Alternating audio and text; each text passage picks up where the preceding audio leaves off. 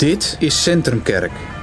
Een cursus missionair leven en kerk zijn vanuit het hart van het evangelie. Gebaseerd op het gelijknamige boek van Tim Keller. Module Beweging. Deel 7. Integrale evangeliebediening. Een centrumkerk is zowel een organisme als een organisatie. De kerk is zowel een stabiel instituut met tradities uit het verleden als een dynamische beweging van de Heilige Geest. In onze evangeliebediening zoeken we daarom naar evenwicht.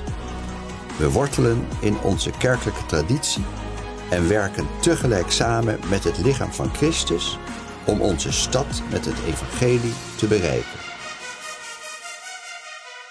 25. Mensen verbinden met de stad. Het evangelie verbindt ons ook met diegenen in onze dorpen en steden die God nog niet kennen en die wij kunnen helpen door te werken aan barmhartigheid en gerechtigheid. Woord en daad staan vaak tegenover elkaar, maar moeten altijd hand in hand gaan.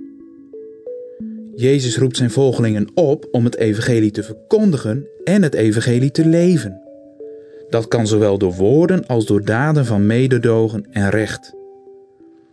Dienstbaarheid is daarbij een belangrijk argument voor de geloofwaardigheid van het evangelie.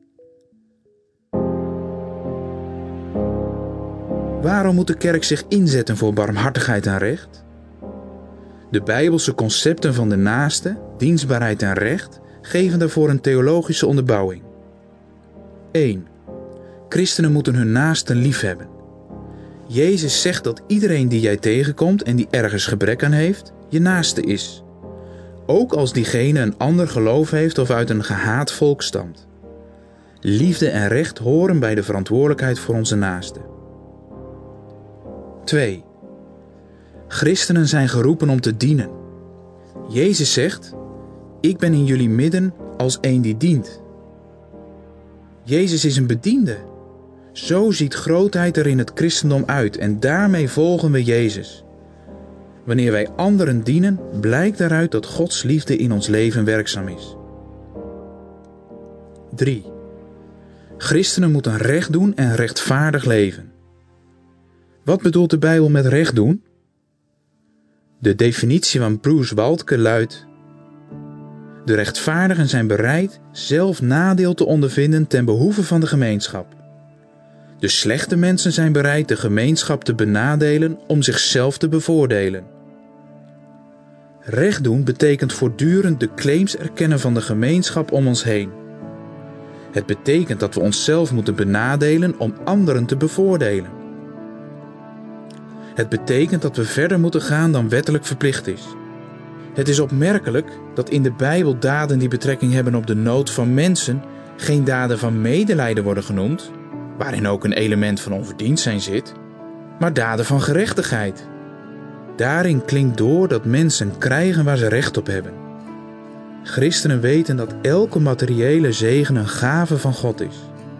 Als we daar niet van uitdelen, of hard of onverdraagzaam zijn tegenover de armen, schieten we niet alleen tekort in medelijden, maar maken we ons schuldig aan onrecht. Christenen leven een rechtvaardig leven als antwoord op de genade.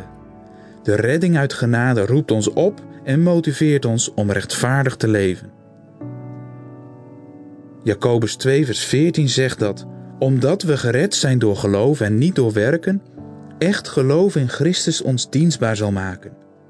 Het verlangen om de armen te helpen komt voort uit een hart dat genade kent, een hart dat alle superioriteit heeft afgelegd.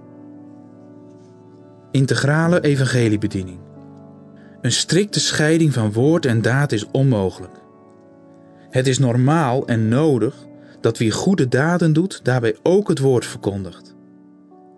Evangeliepredikers moeten vol mededogen zijn ten aanzien van de nood van de mensen die ze willen bereiken. Integrale evangeliebediening wil zeggen dat je woord en daad zoveel mogelijk met elkaar vervlecht. De praktische daden van christenen voor mensen in nood laten zien dat het evangelie waar en krachtig is.